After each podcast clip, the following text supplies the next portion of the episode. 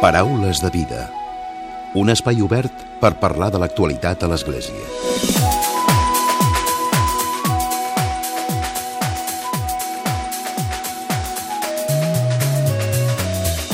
Què tal? Salutacions i molt bon dia, molt bon diumenge. El monestir de Montserrat acollirà del 18 al 21 d'abril un taller monàstic per viure el Tridu Pasqual amb la comunitat benedictina. S'adreça sobretot a homes d'entre 18 i 35 anys i té com a objectiu viure una experiència de recerca espiritual tenint present, diuen, la tradició monàstica occidental i comprovar el que pot aportar actualment, especialment als joves. Es fa a través del noviciat del monestir i avui coneixerem els detalls en conversa conversa amb el pare Josep Miquel Bausat, que és mestre de novicis a Montserrat.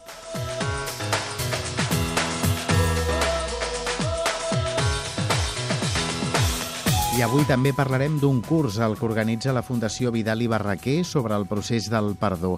Es vol donar eines psicològiques sobre el perdó. Segons els seus impulsors, l'objectiu del curs és viure un procés de perdó endinsant-se en el propi món interior i reviure les diferents situacions en les que la persona s'ha quedat bloquejada. En parlarem també a la segona part del programa i ho farem amb la Maite Valls, que és llicenciada en Psicologia i psicòloga i també màster en Psicologia Sanitària.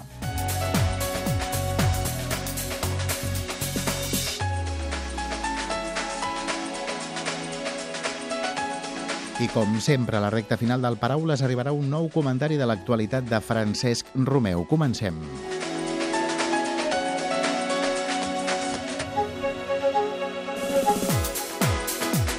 I saludem, donem la benvinguda al pare Josep Miquel Bausats. Molt bon dia. Bon dia. Ja està tot a punt per aquest taller monàstic que, farà, que es farà de, des del 18 fins al 21 d'abril? Estem acabant de preparar-ho per tal que, que els joves que vulguin compartir amb nosaltres aquests dies doncs puguin fer aquesta experiència de, de vida monàstica, sí. Uh -huh. Parlem de, de l'objectiu de, del taller. De fet, ja fa anys que, que es fa aquest taller, oi, a, a Montserrat? Sí, sí, sí, ja fa alguns anys que dos, tres cops l'any fem aquests tallers monàstics per tal de donar a conèixer què és la vida monàstica, per tal d'oferir als joves que vulguin participar-hi doncs, aquesta experiència de, de pregària, de silenci, de conèixer in situ el monaquisme. Uh -huh. com, com es fa? Així més a nivell pràctic, és a dir, quan arriben els participants es distribueixen, passen eh, els, tots els dies en allà, els dies que, que dura el taller, i el que fan és conviure directament amb els monjos, oi? Sí, sí, el taller té, té l'objectiu de mostrar, eh, ja dic, com una experiència, no teòricament, sinó en la pràctica, què és la vida monàstica, fer un tast sobre la vida monàstica. I per això oferim als joves eh, la possibilitat de conviure amb nosaltres en la pregària, en el contacte, en la conversa amb el mestre de novicis, amb altres monjos, per tal que vegin eh, de primera mà, eh, in situ, què, què, fem, què som, els monjos que fem com vivim. Uh -huh. Sí, que participen en, en els diversos espais de, de reflexió no? de la comunitat. Sí, sí, sí. sí. Bàsicament és la pregària i d'una manera particular aquest taller del Tridu Pasqual, de dijous sant a migdia fins al diumenge de Pasqua, és la pregària, que és el que estructura la vida del monjo, el que l'eix central de, de la vida del monjo, però també el treball i també la reflexió, el silenci, els moments de compartir, ja dic amb el mestre de novicis, amb altres monjos i entre ells mateixos, per tal de, de donar una resposta a inquietuds o per donar una resposta a, a anels d'aquella gent que o bé no coneix la vida monàstica i té un cert interès o ja té una, un desig d'anar de, de més a fons, una inquietud vocacional de cara a, a una possible vocació monàstica. Quins són, pare Josep Miquel, els perfils de persones que, que hi participen en les diferents eh, edicions d'aquests tallers monàstics? No sé si, si el perfil és ampli, si és persones que sí. són creients o persones que no, que es volen acostar a la fe. Com, com sí. són els perfils? És, hi ha una mica de tot, eh? Hi ha una mica de tot. Hi ha gent que ja eh, coneix, eh, forma part de l'Església, que vol conèixer la vida monàstica i per tant vol fer aquesta experiència en, en un monestir, però també hi ha gent que o bé no creient o agnòstica, però que té un cert interès per, per monaquisme, per la vida monàstica, en aquest cas, per la vida monàstica cristiana. Per tant, el, el sector o la gent que, que hi ve és, ja dic, és, és molt variada. Mm -hmm. Són perfils, com, com diu, va, variats. No sé si també hi ha persones que repeteixen, que si han anat eh, un any i han participat en aquest taller, tornen a anar-hi. Alguna vegada sí, hi ha hagut algun cop que sí, que alguna persona que ha fet un taller monàstic ha, ha repetit altra vegada un altre taller monàstic i també mm, persones que després d'algun taller monàstic han acabat entrant a, al monestir. També s'ha donat el cas? Sí, sí, sí, també hi ha algun cas de joves que han fet aquesta experiència i que després han iniciat tot un procés de, d'aprofundiment, és a dir, la, el taller monàstic ha sigut com la porta d'entrada, però després han, han, han, han, han fet tot un treball amb el mestre de novicis per tal de, de veure si Déu els podia cridar a, a la vida monàstica i per tant el taller ha sigut com un, com un primer indici, com una porta d'entrada per després arribar a ser monjos. No és el més eh, generalitzat, però, però s'ha donat alguns casos, sí. Uh -huh en els temps que corren és cada vegada més necessari espais com aquests, espais de, en el que la gent, sí. els participants poden aprofundir en la, en la pregària o aprofundir ja a nivell més, més general en la reflexió espiritual, en, el, en la vida interior? Sí, sí, sí, sí és veritat.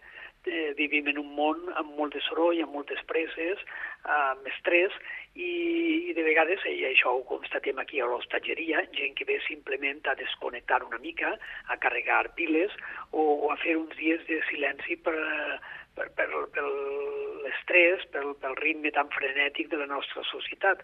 I alguns dels joves que venen també eh, ho fan per això, eh? per, per buscar un espai de silenci, un espai que els ajuda a retrobar-se amb un mateix i, i a trobar-se també amb els altres i de vegades fins i tot a, a trobar Déu a partir d'aquesta experiència de silenci, de pregària, de compartir la vida durant uh, aquests tres dies o durant dos dies en altres, en altres edicions de tallers monàstics. Uh -huh. Se'n fan diferents al llarg de l'any, no? Ens comenta? Sí, sí.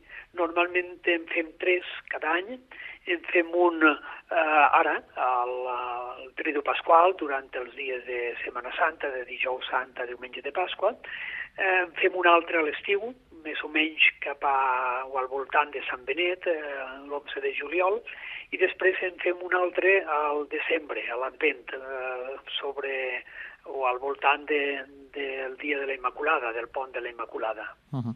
Aquest està acotat a l'edat de 18 a 35 anys? És sí, tot i que eh, bé, són unes mm, edats eh, orientatives, tampoc no, no, no excloem ningú que passi dels 35 anys, sempre que estigui doncs, això en una edat en què es pugui plantejar la, una certa vocació monàstica o bé simplement el fet de, de, de conèixer la vida monàstica, d'inquietuds per, per descobrir la vida monàstica que, que no és coneguda, sí. Uh -huh. A més a més, crec que també poden fer, un cop s'han fet les, eh, els tallers, la gent que hi ha participat, també es poden comentar les experiències en grup, no?, de veure què és el que ha portat a cada, a cada participant, no? Sí, sí, sí. També, eh, tot i que el, l'eix central d'aquests tallers monàstics és la pregària, hi ha el contacte, el, el diàleg, la conversa entre ells, d'una manera particular amb el mestre de novicis, personalment, però també en grup, o entre ells mateixos per tal de eh, compartir allò que han viscut, allò que els anels que porten, o les, els desig de, de, abans de, de començar el taller monàstic, quins eren els desigs i després si s'han complert o no, o, o sí, eh, diverses experiències que, que comparteixen entre ells uh -huh. i que s'enriqueix mútuament, clar. A nivell més pràctic, eh, més pragmàtic, els assistents estan a, si estan a l'hostatgeria, no?, durant sí, aquests dies? Sí, sí, sí, sí. Els assistents, els participants del taller monàstic eh, s'hostatgen a l'hostatgeria i fan els àpats amb els monjos, per tal que també els moments dels àpats, moments de, de silenci, de lectura de la paraula de Déu, eh, puguin compartir-los amb nosaltres i després eh, tota la pregària, des de matines fins a completes, les diverses hores de pregària, que també se'ls convida perquè puguin participar, i ja dic, i després, ara aquests dies no, perquè, perquè són dies de, de recés, però en altres tallers monàstics també participen en un taller d'enquadernació, per tal de que vegin també una de les tasques, un dels treballs que, que fem els monjos, d'una manera particular els monjos joves, els noviciats, perquè puguin aprendre també o perquè puguin descobrir també quina manera o quina mena de, de treball poden fer i ells hi participen també. Uh -huh. I ja per acabar, per les persones que avui ens escolten i que vulguin participar-hi, uh -huh. ho poden fer a través d'un correu electrònic o també a través sí. del canal de Facebook, no? Montserrat també, Projecte de Vida. Mateix.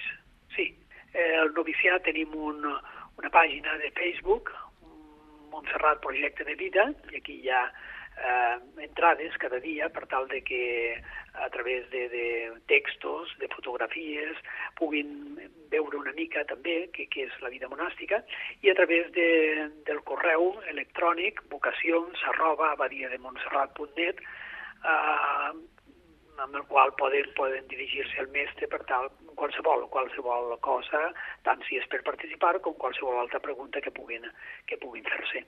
Queda clar. Pare Josep Miquel Bausat, ell és mestre de novicis a Montserrat, avui ens ha costat, ens ha explicat aquest taller monàstic que, fa, que es fa pels dies de Setmana Santa a Montserrat. Gràcies avui per haver-nos acompanyat al programa. Moltes gràcies a vostès i endavant, gràcies, bon dia. Paraules de vida. Un espai obert per parlar de l'actualitat a l'Església. I tot seguit saludem la Maite Valls, com us explicàvem a la portada del programa. Ella és llicenciada en Psicologia i psicòloga i màster en Psicologia Sanitària i avui ens parlarà d'aquest eh, taller, un taller breu que es fa des de la Fundació Vidal i Barraquer, que té per títol Viu un procés de perdó, eines psicològiques del perdó. Maite, bon dia i benvinguda. Hola, bon dia. Parlem d'aquest taller breu. Primer de tot, quin és l'objectiu principal? Mira, l'objectiu principal és bàsicament que la gent pugui viure un procés de perdó. O sigui, pugui... Perquè de vegades és molt complicat, no?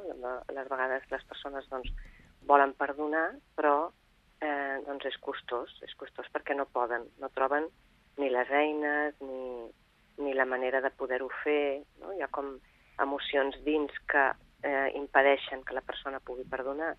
Aleshores, bàsicament, l'objectiu és aquest, o sigui, poder facilitar que la gent que vulgui, com a mínim, doncs, tingui algunes eines que el puguin ajudar. Uh -huh. El perdó, una situació que podem viure en qualsevol moment, que en qualsevol moment de la nostra vida i que a vegades doncs, no ens parem a pensar, no? És a dir, no podem perdonar i potser ja no passem un altre estadi ja ni, ni, ens, eh, ni reflexionem si, si hem de perdonar o no, oi? Exacte. A més, esclar, hi ha, a vegades hi ha coses que són molt fortes, que, que són molt difícils de perdonar, però després hi ha coses que són més quotidianes.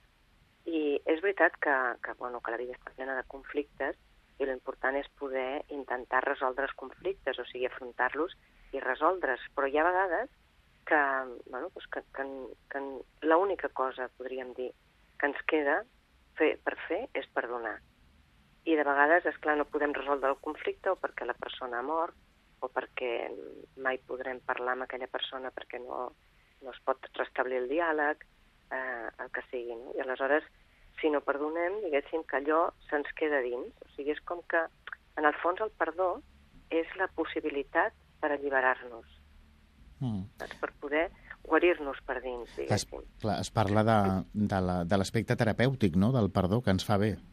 Exacte, exacte. O mm. sigui, evidentment, tot el que ens queda dins, diguéssim, eh, sense expressar, no? que ho portem com reprimit, normalment, eh, no tot, però bueno, moltes de les, de les emocions, per exemple, que tenim a dins reprimides, ens fan mal. En canvi, quan podem, eh, quan podem ser conscients del que sentim, quan podem eh, afrontar-ho i quan podem alliberar-ho i expressar-ho, eh, realment experimentem aquesta, bueno, pues aquesta alliberació, diguéssim, no? uh -huh. aquesta guarició. A nivell pràctic, eh, ofereixen eines psicològiques per perdonar, no? Sí. O sigui, mm, bàsicament, mm, o sigui, està... Eh, bàsicament, eines de la, de la psicologia profunda, és a dir, eh, poder comprendre una mica millor com funcionem, com estem estructurats per dins, eh, quins mecanismes de defensa també doncs, moltes vegades posem en marxa eh, inconscientment, diguéssim, eh, poder-nos comprendre millor ens ajuda a, a, a, això, no? a, a poder funcionar millor, diríem. Uh -huh. Parlem de les qüestions més pragmàtiques. Quan, quan es farà i, i a on es farà? Molt bé. Mira, eh, es farà a la Fundació Vidal i Barraquer i es farà, comença el dimarts 5 de març. Són 6 dimarts, menys el, el 2 i 3 d'abril, que és dimarts i dimecres. Uh -huh. I el que es fa és tot aquest procés, no? Primer es parteix de, del coneixement de la mateixa persona, no? De fer una retrospectiva mirant cap a l'interior de cadascú, no? Exacte, exacte. O sigui, eh, ja, diguéssim que en el curs està estructurat perquè hi hagi alguna part eh, com més teòrica, diguéssim, doncs això que dèiem abans, no? per poder comprendre com estem estructurats per dins, comprendre una miqueta millor, i després hi ha, la idea és proposar diverses dinàmiques diferents, no? des de, doncs, per exemple, visualitzacions, relaxacions, eh, dinàmiques que ajudin a pensar, eh, una, com una mirada cap al, al conjunt de tota la teva vida, perquè, clar, les noves ofenses no són coses que siguin que no tinguin res a veure amb l'anterior. Normalment tot té un fil conductor. No? Tots portem com una ferida dins que diguéssim que si no la curem, es, es va com repetint al llarg de la història. Mm? Mm. I, I després hi ha també doncs, eh, sessions eh, d'art-teràpia, perquè mm, bueno, doncs a través de l'art eh, és més fàcil, diguéssim, expressar el que portem a dins i poder-ho simbolitzar, diguéssim, no? poder, poder veure, eh, veure-hi més sentit el que, el que ens està passant. Mm. El perdó, com deies, té, té diferents etapes, oi? Exacte. Bueno, clar, com tota la vida, no són etapes eh, allò estanques, no? I que si no fas una etapa no passes a la següent, sinó que, bueno, doncs són eh, això, no? Unes etapes que van que es van, que són flexibles, diguéssim, no? Hi han diferents autors que, que, o sigui, que parlen de diferent número d'etapes. Eh, jo m'agrada molt el model de Jean Mamburquet i em baso amb ell, entre ell marca 12 etapes, jo entre, entre 10 i 12 etapes. Eh? Però, per exemple, hi ha una que és molt important, bueno, n'hi ha diverses, no? però vull dir, eh, n'hi ha una que és la de perdonar-se un mateix. O sigui, un cop has reconegut la ferida, eh, diguéssim, t'has adonat del que representa, no? Has pogut eh, veure que aquella ferida normalment no va sola, no? sinó que normalment quan et fereixen amb alguna cosa doncs perds més coses, no? Pots perdre amistats, pots perdre estatus, pots, jo què sé, pots perdre molta cosa, no? Doncs hi ha una fase que és poder-te perdonar a tu mateix. Si no vivim com... amb un conflicte intern, no? Exacte, exactament. Uh -huh. Uh -huh. Clar, si és primer el perdó amb un mateix per després poder mm, perdonar els altres diguéssim que forma part, o sigui que quan la persona arriba a, a poder-se perdonar un mateix, ja ha fet com, en realitat ja ha fet com el, com el 50% o així del procés. Uh -huh. Maite, uh -huh. Mm.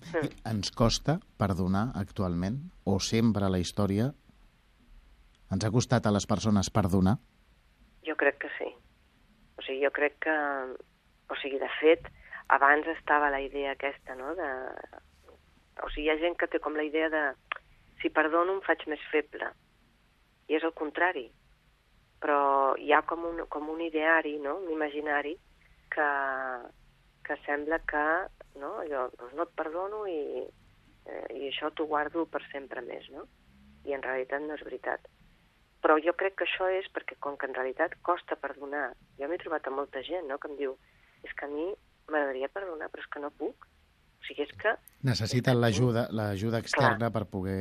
Clar, l'ajuda més psicològica, diguéssim, i d'una altra persona, perquè no, jo sempre penso que, que les grans coses, les grans meravelles, no les podem fer sols. Uh. -huh. Les hem de fer en equip, no? Clar. I, I és la veritat, o sigui... Uh. -huh. Doncs Maite, Maite Valls, ella, com us expliquem, és llicenciada en Psicologia i Psicòloga i màster en Psicologia Sanitària i és la responsable d'aquest eh, taller breu que es farà d'aquí a molts pocs dies. Viu un procés de perdó, eines psicològiques del perdó, fet per la Fundació Vidal i Barraquer. Gràcies avui per haver-nos acompanyat al Paraules de Vida. Molt bé, gràcies a vosaltres. Paraules de Vida, amb Emili Pacheco. I tot seguit arriba el comentari de l'actualitat de Francesc Romeu. Francesc, molt bon dia. Molt bon dia a tothom.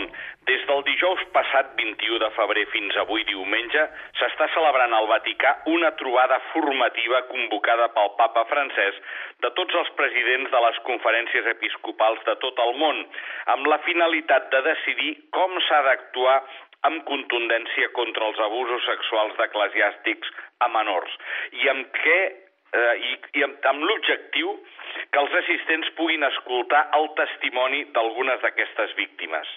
Per tant, aquesta trobada, que no té cap precedent fins ara i que s'està celebrant a porta tancada, està reunint a prop d'uns 200 bisbes, tal com ja va anunciar el papa Francesc que ha de ser un fort acte de responsabilitat pastoral.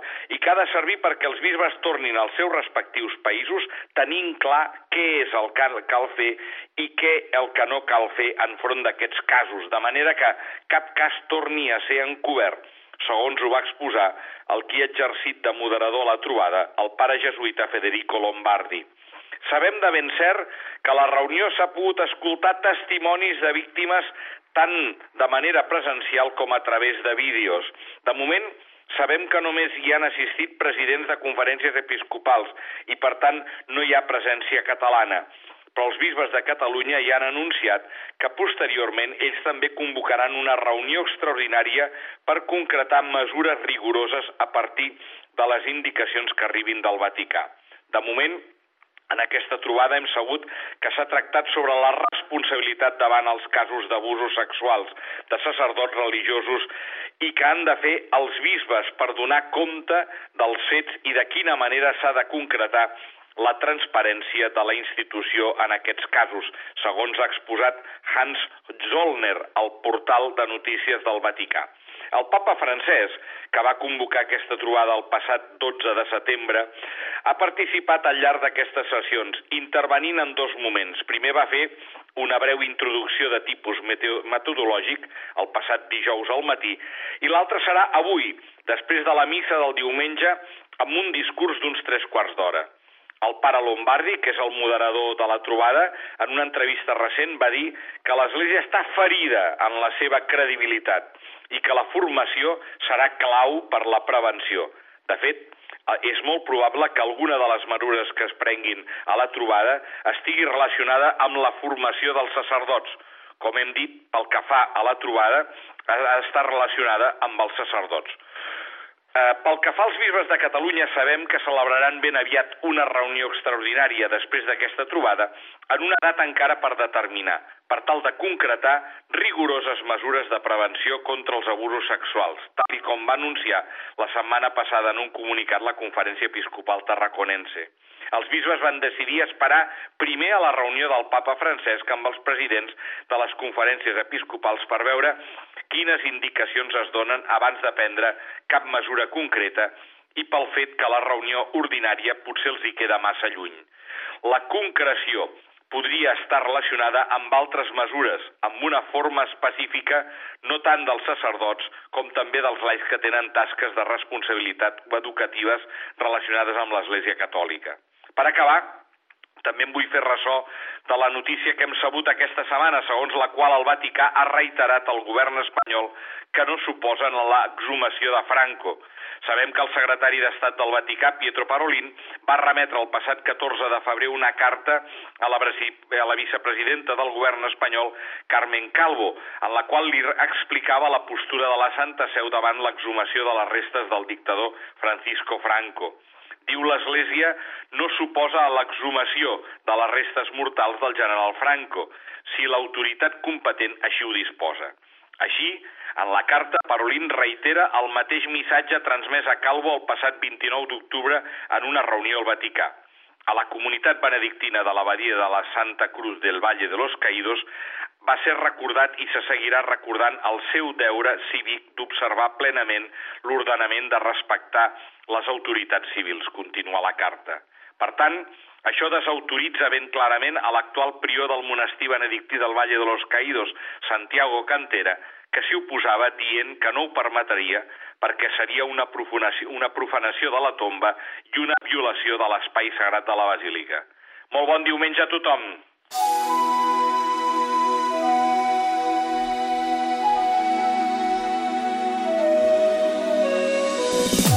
Fins aquí el Paraules de Vida d'aquesta setmana d'aquest diumenge. En Sergi Cotillas ha estat el control tècnic i qui us ha parlat, l'Emili Pacheco. Que passeu bon diumenge i bona setmana.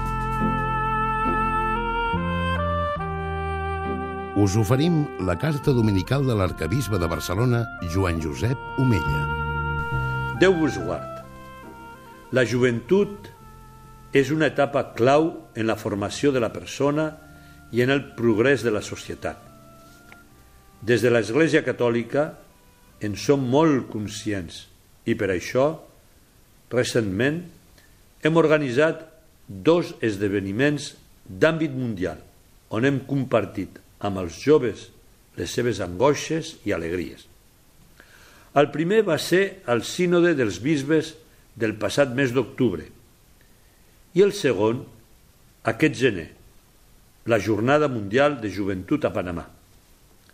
La visita del papa Francesc a aquest país centroamericà ha fet que milers de joves d'arreu del món, carregats de somnis i d'esperança, hagin pregat junts i hagin renovat el seu compromís de transformar el món vivint a l'estil de Jesucrist.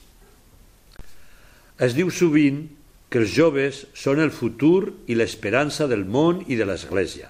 Ara bé, ser jove no és gens fàcil. A molts els toca viure moments difícils i d'incertesa. A Europa el problema es concreta principalment en l'atur juvenil i en l'accés a l'habitatge.